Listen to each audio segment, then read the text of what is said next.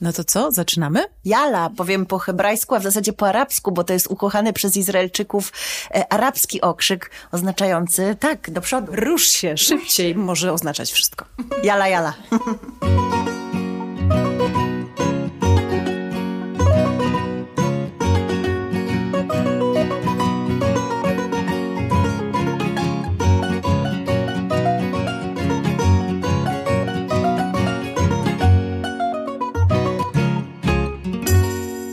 Witamy Was w drugim odcinku mm, Lente, podcastu o kulturze śródziemnomorskiej. W pierwszym sezonie tego podcastu, który debiutuje, tym samym prosi o sympatię, uwagę, komentarze, ale też udostępnienia.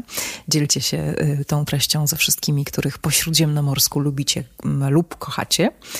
Mm, w tym sezonie dom jest takim tematem e, przewodnim, taką myślą przewodnią. W domu też u autorki Julii Wolner jesteśmy. I to jest moment, w którym e, chcę Julię zapytać o domowników. Czy mogłabyś nam przedstawić swoją rodzinę? Jest nas e, urocza piąteczka. Mm, jestem ja, jest mój mąż e, Uri, Izraelczyk urodzony w Jerozolimie, wychowany w Tel Awiwie mm, oraz moje trzy córki, pół Polki, pół Izraelki, uczące się hiszpańskiego, z włoskimi imionami, nie wiem co jeszcze. Ale po polsku też mówią. Po polsku też. Przynajmniej z ciocią. Tak, po polsku też mówią. Jesteśmy rodziną trójjęzyczną plus. Oznacza to, że rzeczywiście y, moje dziewczyny mówią po polsku ze mną, po hebrajsku z tatą. Kiedy jesteśmy wszyscy razem i nie chcemy, żeby kogoś coś ominęło, to mówimy po angielsku. Y, I to są te trzy dominujące języki. A tak jak powiedziałam, oprócz tego dziewczyny uczą się hiszpańskiego, uczą się włoskiego, także jest rzeczywiście bardzo wesoło pod tym względem. Aber lama to minut. mam...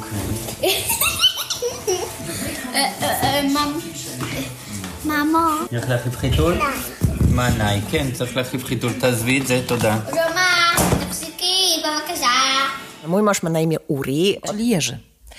Ja na, niego, ja na niego mówię Jerzy. Tak, bo to w naszej korespondencji często się przewija, jak Julia pisze, no Jerzy, coś tam, coś tam. Tak, niektórzy się niepokoją, że mam tych mężów dwóch, a jest, jest jeden tylko w różnych postaciach.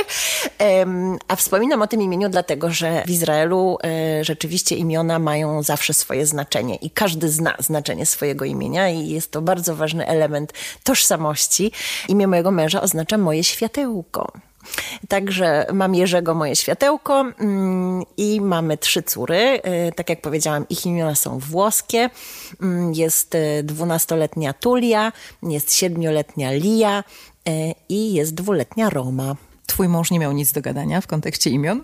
A, nieprawda. Nie, nie, nie. Ja jestem bardzo dobrą żoną. Zawsze jest, decyzje podejmowane są wspólnie. Mm, a mm, ostatniej córki imię, Romy, on wybrał, chociaż wydaje się takie najbardziej bliskie moim zainteresowaniom, to to była jego decyzja. Jak Julia modliła się o dobrego męża, o tym możecie usłyszeć w pierwszym odcinku naszego podcastu. Tacy to domownicy i powiedz, jak wstajesz, to jaki dźwięk, czy co cię budzi tak na początek? To zależy, jak się szybko obudzę. E, zwykle mam problemy z obudzeniem się, e, w związku z tym e, dopiero się docucam, jak dostanę kawę od mojego męża. Dodajmy, że Uri zajmuje się kawą zawodowo, więc tym bardziej jestem mm, ogromnie ciekawa, jaką kawę ci serwuje do łóżka.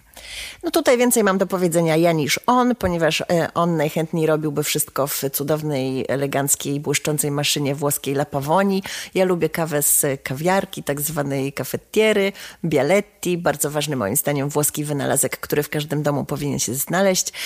No i właśnie jeśli otworzę oko, e, jeszcze zanim on z tą kawą do mnie przydrepcze, to słyszę ten świst. Tu pod małych... Aha, nie myślałam, że tu pod małych stópek. Nie, tu, tu, tu, tu, pod to wcześniej, ale on już mnie nie budzi. Ja już chrapię dalej, a rzeczywiście dziewczyny, dziewczyny krążą. Y, no jest to dom y, na pewno głośny, bo z trójką dzieci inaczej się nie da. Mówią, że i to myśmy sprawdziły, bo ja też, tak jak ty, mam takie doświadczenia życia w wielonarodowej rodzinie mówią, że kiedy para pochodzi z dwóch różnych krajów, tak naprawdę tworzy sobie swój własny język, którym się porozumiewa.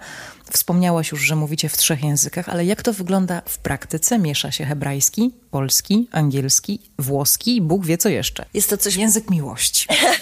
Rzeczywiście prawdą jest to, że mm, tworzy się własny język właściwy tylko e, danej rodzinie.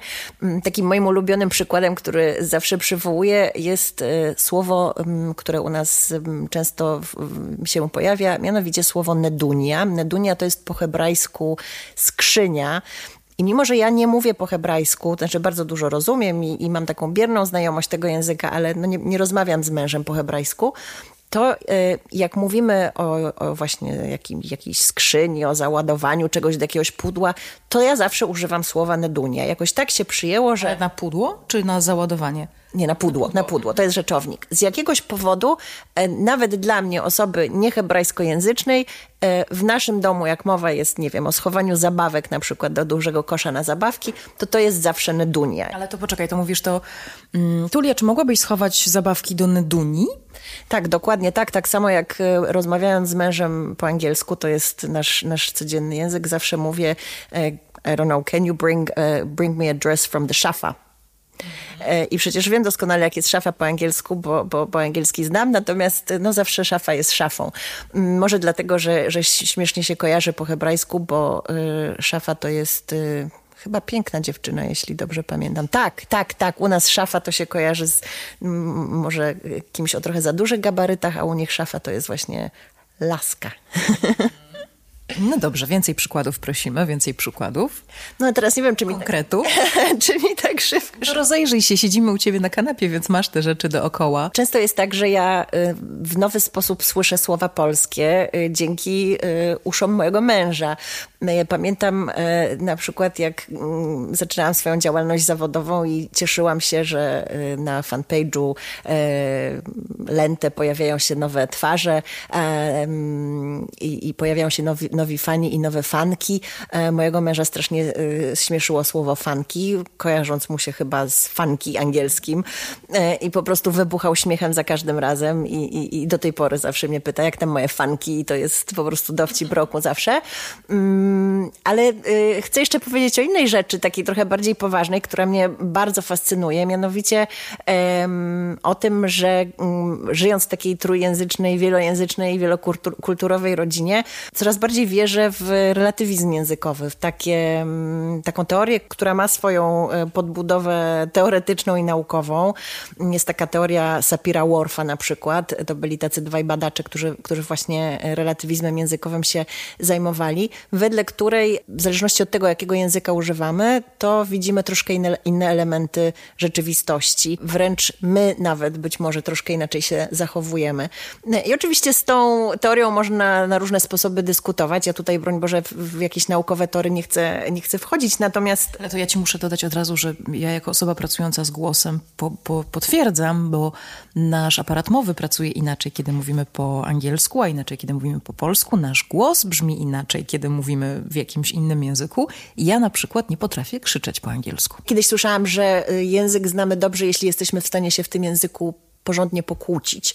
To źle świadczy o moim biegłości mojego Nie, angielskiego. to nie, to nie miałam na myśli, natomiast myślałam o swojej historii sprzed lat, jak, jak mieszkałam e, w Rzymie, jak byłam tam na stypendium i chłopak, z którym się spotykałam, e, mm, jakoś mi znalazł za skórę i pamiętam, że rzuciłam w niego kolczykami na środku Via del Corso i właśnie strasznie krzyczałam i potem sobie pomyślałam, że to pal licho, wszystkie doktoraty i tak dalej. Liczy się to, że byłam w stanie rzucić kolczykiem, co w sumie w każdym języku mogę Pani italianistka rzuca kolczykiem, to znaczy super. No, no dobrze, ale kłótnia może mieć też wymiar bez e, m, krzyczenia, więc tutaj się będę tego trzymać. Y, No, te- prawda, ale Madziu, no śródziemnomorska to musi być, wiesz, musi być scena, musi być z emocjami. No tak, ale a, przepraszam, to po, pociągnijmy ten wątek, bo czasem mówią na Włochów, ym, ale też o Polakach to mówią ym, w krajach zachodniej Europy. Jak wy mówicie, to ma się wrażenie, że wy ciągle się kłócicie. Bo to jest taki język soczysty, taki jest dynamiczny, taki mój tata tenor zawsze mówi, ja nie krzyczę, ja mam tak postawiony głos. Piękne. E, Wiesz co, ja to miałam przez wiele lat e, takie wrażenie e, na temat języka hebrajskiego. Włoskiego tak może bardzo nie, nie odczuwam. Ja myślę, że to się może łączyć z ilością spółgłosek różnych takich właśnie na przykład gardłowych, te wszystkie hebrajskie i tak dalej, one jakoś tak sprawiają, że, że mam wrażenie, że, że może jakieś negatywne emocje są wyrażane. No tak czy owak e, e, istnieje e, taka, taka, taka anegdota o pewnym królu czy cesarzu, już nie pamiętam w tej chwili, to jakiś, jakiś Karol był, pamiętam, który właśnie twierdził, że po włosku to on rozmawia z muzykami, z, po rosyjsku ze służbą, po angielsku chyba z koniuszym, nie wiadomo dlaczego, o miłości tylko po francusku oczywiście i tak dalej. E, No i coś w tym jest. Ja wierzę też w tę tak zwaną funkcję heurystyczną języka, to jest od, od greckiego eureka, które wszyscy znamy, prawda? Znalazłem. To znaczy rzeczywiście odkrywamy mm, nowe elementy rzeczywistości, ucząc się, ucząc się języków bądź, bądź porozumiewając się nimi. Natomiast tak jak powiedziałam, w rodzinie e, powstaje jeszcze zupełnie inny język, który jest językiem wspólnym po prostu dla, dla tej grupy ludzi, która, która razem mieszka i spędza dużo czasu. I, no i rzeczywiście potwierdzamy tę regułę. A hebrajskie słowa na co dzień istnieją w waszym domowym języku i jakie? No czekaj, mówiłam o Neduni. A muszę pomyśleć chwilę. Bardzo dużo mamy na pewno e, w użyciu częstym e, rozmaitych nazw kulinarnych. Ja tak sobie wybrałam męża, żeby mi gotował dobrze. w końcu jest z krajów śródziemnomorskich i to jeszcze z takiego kraju, w którym bogactwo kuchni, różnych etnicznych wpływów jest, jest niezwykłe, więc ym, staram się, aby on to wykorzystywał w kuchni. E, I rzeczywiście bardzo dużo nazw różnych kulinarnych stosuję w swoim języku i ja ich nie przekładam i potem bardzo często wplatam Nie wiesz, o co chodzi. Tak, albo, albo muszę szukać rzeczywiście polskich albo, albo angielskich odpowiedników. Mm, Czekaj, nie wiem teraz, nic mi A włoskie? jeśli chodzi o włoskie słowa, które bardzo się w mojej rodzinie przyjęły, mm, poza przekleństwami, o których może nie będę opowiadać, ale jakoś tak się stało rzeczywiście, że, że trochę włoskich przekleństw mamy w użyciu, e, to są takie różne wykrzykniki włoskie, które ja bardzo lubię, których w innych językach nie znam i w ogóle nie, nie wiem, czy one istnieją. Mm, Jednosylabowe. Na przykład Włosi e, bardzo często zamiast powiedzieć non lo so, nie wiem, mówią po prostu bo. No i to, to bo jakoś tak się przyjęło i nawet mój mąż, który, który włoskiego nie zna, zna powiedzmy parę słów, to jak go o coś pytam, a on odpowiedzi nie zna, to wzrusza ramionami i mówi bo. E, I to jest, to jest sympatyczne. Jest też oczywiście B, które jest dla odmiany skrótem od y, bene, od va bene, czyli dobrze. E, I to też jakoś się w naszym domu e, przyjęło. Także tak, te wykrzykniki włoskie to jest coś takiego, czego mi brakuje w innych językach w ogóle. Pani italianistka teraz nam powie, jakie jest jej ulubione włoskie słowo. Wło włoski język miłości, język muzyki, język y, z jednej strony tak prosty, że mam wrażenie, że każdy, kto jest w stanie wymówić uno, y, gelato i spaghetti jest w stanie się go nauczyć, a to wcale nie tak też jest. Jakie słowo po włosku lubisz najbardziej? Bo wiesz co, ja bardzo lubię ym, jakoś tak ze względów dźwiękowych wszystkie wyrazy, które mają w sobie literkę L y, i głoskę L. Lente. Na przykład właśnie lente. y, Lente to mm, wolno. E, No właśnie, tak, to chyba jest dobry moment, żebyśmy o tym powiedziały. E, I lente rzeczywiście należy do moich ulubionych słów. To jest słowo mm, łacińskie e, i ono po łacinie oznaczało wolno, powoli. Po włosku wolno mówimy lentamente, ale jest przymiotnik lento, powolny. Mm, Natomiast dzisiaj w językach romańskich po włosku, po hiszpańsku lente to jest szkło, szkło powiększające, szkło kontaktowe.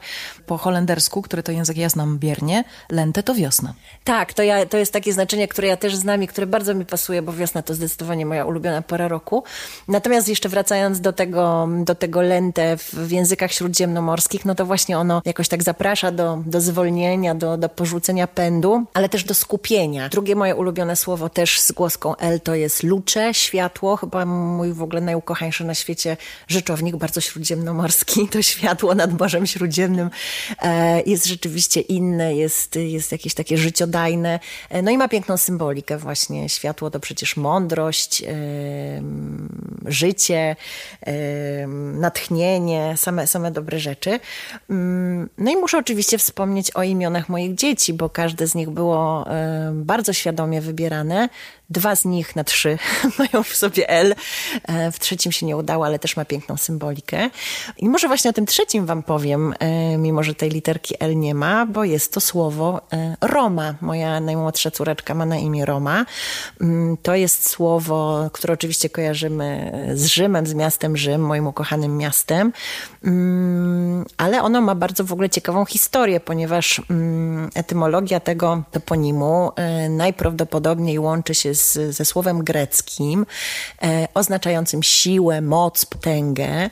Jest też e, teoria, która wywodzi je od czasownika ruo, czyli płynę, e, być może w odniesieniu do rzeki Tyber, e, nad którym, nad którym Rzym powstał, ale mnie się też kojarzy z jakimś takim płynięciem z prądem, które nie zawsze musi być złe. My, my lubimy mówić, że tylko złe rzeczy, jakieś śmieci, to chyba Herbert mówił, że śmieci tylko z prądem płyną. Ja się z tym nie zgadzam. Czasami dobrze jest właśnie umieć odpuścić kontrolę i, i właśnie płynąć z prądem, tak jak nas życie poniesie. To jest też taka rzecz, której chciałam życzyć mojej córce, nadając jej to imię.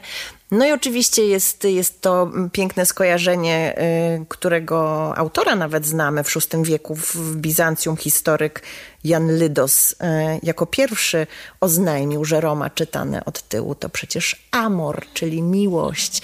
Także mamy siłę, mamy płynięcie z prądem y, i mamy, i mamy miłość. Mm, no a skoro ma być śródziemnomorsko w ogóle, a nie tylko włosko, to jeszcze dodam, że mm, imię naszej najmłodszej córce wybrał mój mąż, wcale nie ja chociaż Rzym jest moim miastem i, i, moim najukochańszym punktem na ziemi, e, ponieważ Roma ma też swoje koneksje e, izraelskie, hebrajskie, w zasadzie w, w, formie zdrobnienia, które używamy Romi, mm, bo Romi to po hebrajsku e, mój najwyższy, moje najwyższe, no raczej mój najwyższy w odniesieniu właśnie do, e, do siły wyższej, do Boga, takie wychwalenie e, opatrzności za coś, co nam dała, no my jesteśmy bardzo wdzięczni za to, że została nam dana nasza córcia. Roma, bibi, rora, rora, bibi, bibi, bibi. E foi ma. Duża mama. Boj. Boj kto na? Bibi. Ma bibi. Gdzie idziesz? Bibi. Chodź. Chodź. Mam, chodź. Chodź, chodź. Romi bardzo długo nie miała imienia i przypomnij, jak na nią mówiliście? Mówiliśmy na nią przez jakiś czas Beza. To też właśnie wymyślił mój mąż, który słyszy takie różne śmiesznostki w, w języku. Czyli bezimienna. Be, tak, Beza była bezimienna, e, a, a było to tak, że, że ja się zastanawiałam, jak ją nazwać i, i, i mówiłam sobie, dobra, chyba zostanie bezimienna. Jak on usłyszał to słowo polskie bezimienna, to skojarzyło mu się z innym słowem, które zna, Beza, którą bardzo lubimy. Bardzo smacznie. Jak Pavarotti, dodajmy, zaraz mi się zawsze przypomina Pavarotti. Pavarotti uwielbiał bezy i zajadał się nimi. Jak ty słyszysz melodię y, śródziemnomorskich języków? Z czym ci się kojarzy, tak jak wiesz, jak Norwegowie powiedzą o Polakach, że jak mówią, to cały czas się kłócą.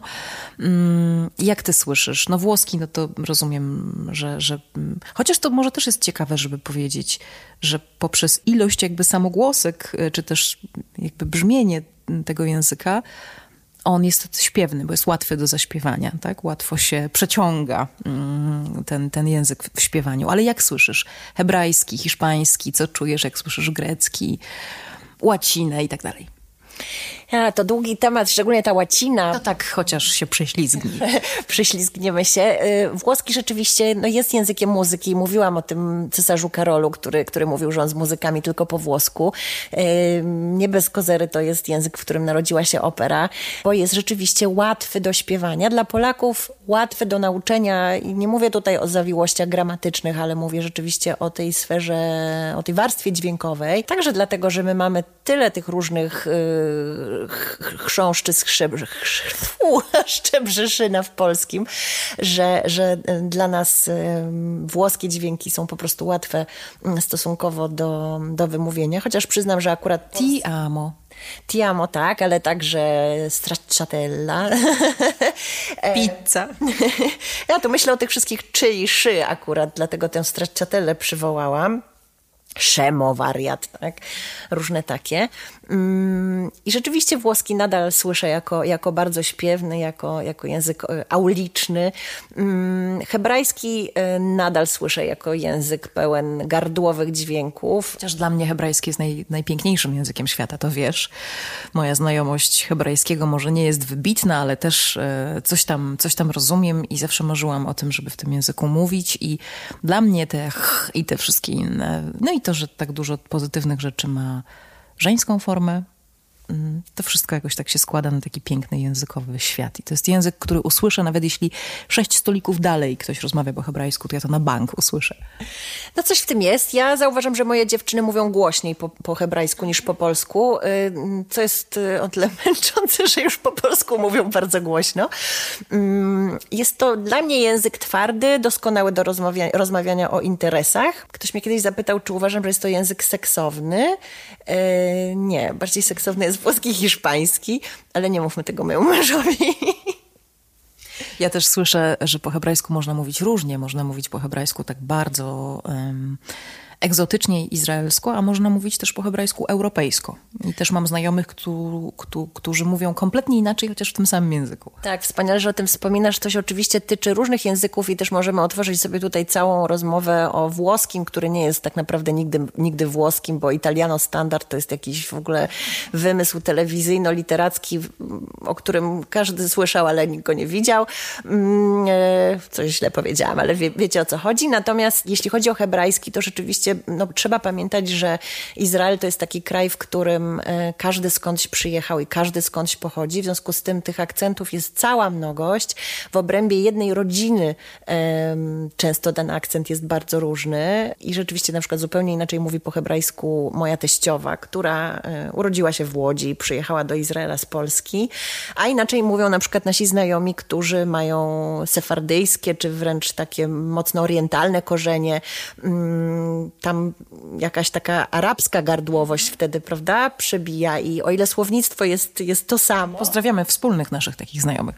tak, pozdrawiamy, to, to rzeczywiście ten dźwięk jest inny. E, No i różnie go można przez to odbierać. Ja jeszcze dodam, że w moim domu, który jest domem rodzinnym, który jest domem muzycznym, bo ja jestem córką śpiewaka operowego i też e, te, tej opery jest bardzo dużo. My na przykład nie znając języka włoskiego w ogóle, porozumiewamy się incipitami z oper, czyli początkiem, incipit to jest początek arii, duetu, jakiegoś utworu, który ma słowa z literatury operowej bądź operetkowej, no ale wiadomo, że opera to, to właśnie w, w, włoski, więc... Ym, mówimy do siebie tam Nessun Dorma i tak dalej. Więc to są takie śmieszne rzeczy, które, które każdy z nas kojarzy. I, mm, I ja na przykład, chociaż nie znam włoskiego, znam bardzo wiele takich fragmentów i w obrębie rodziny jesteśmy w stanie nimi rozmawiać albo się wgłupiać. To jest takie dziwne zupełnie, no ale to jest opera. To kole- jest to kolejny dowód na to, że każda rodzina ma swój własny język, prawda? Wasz odnosi się czy opiera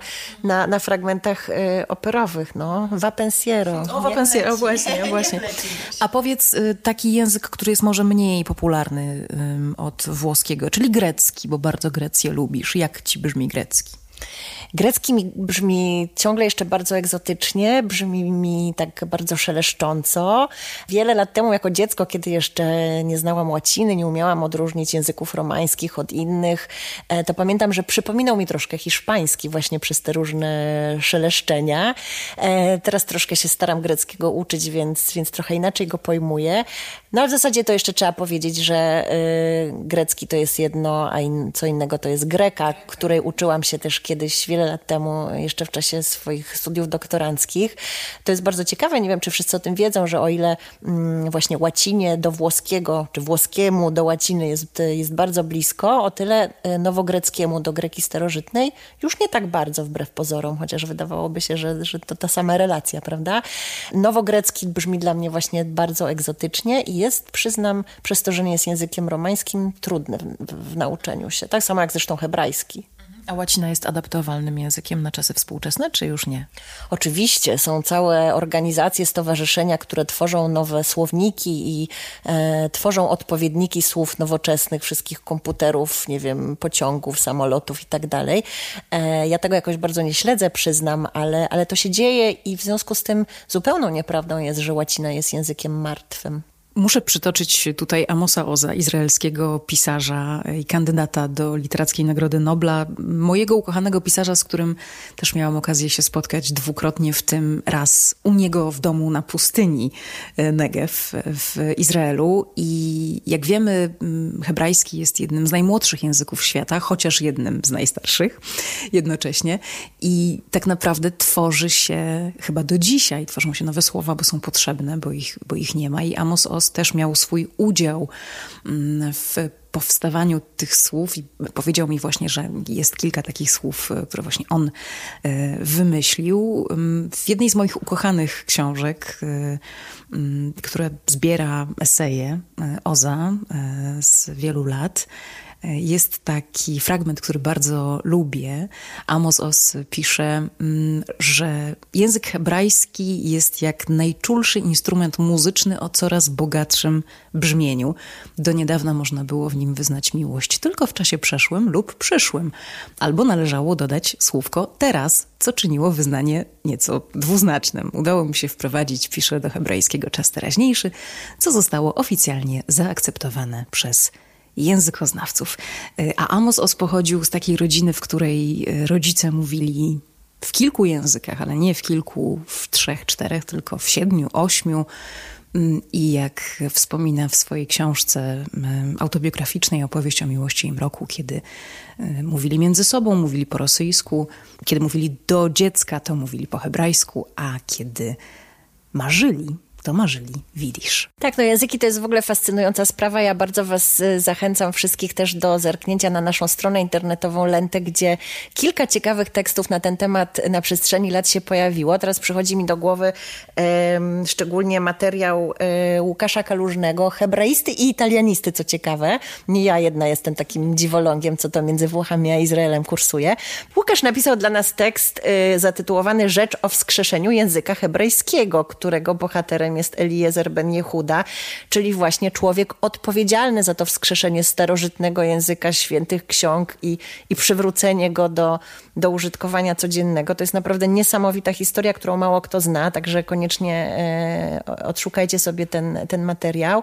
Polecam też taki tekst e, mój e, między językiem a sercem, który właśnie opowiada o tej teorii relatywizmu językowego i o tym, jak, jak używanie różnych języków wpływa na nasze postrzeganie świata i rzeczywistości. Jest też piękny materiał na stronie Lente e, stworzony przez Jarosława Mikołajewskiego, który napisał dla nas tekst Język Śródziemnomorza, mm, taki chyba najbardziej poetycki, pokazujący, że tym językiem może być też milczenie, ale to już chyba materiał na inną opowieść albo na inne milczenie. To zadaj jeszcze pracę domową bo mamy w każdym odcinku dla Was pracę domową związaną z tematem odcinka, a domową, bo w tym sezonie myślą przewodnią jest dom, dom śródziemnomorski. Dzisiaj chciałabym oczywiście poprosić Was, żebyście zastanowili się, jakie jest Wasze ulubione słowo w dowolnym języku. E, dlaczego? Dlaczego lubicie jego dźwięk? Dlaczego eufonia tego, tego słowa, e, no jest właśnie eufonią, jest, jest, jest dla was, dla waszego ucha przyjemna. I co ono znaczy? I skąd się wzięło, bo też te, ta, ta etymologia słów to jest coś niezwykłego, to, to są mm, historie czasami zupełnie nie z tej ziemi, które bardzo otwierają e, horyzonty i spojrzenie na świat, także zachęcam do, do znalezienia swojego ulubionego słowa i poznania jego historii. Bardzo dziękujemy za dziś. Dzielcie się tymi opowieściami i tą naszą rozmową. Podawajcie dalej i rozmawiajcie. Mm, no a my się słyszymy w trzecim odcinku Lente podcastu o kulturze śródziemnomorskiej. Do usłyszenia.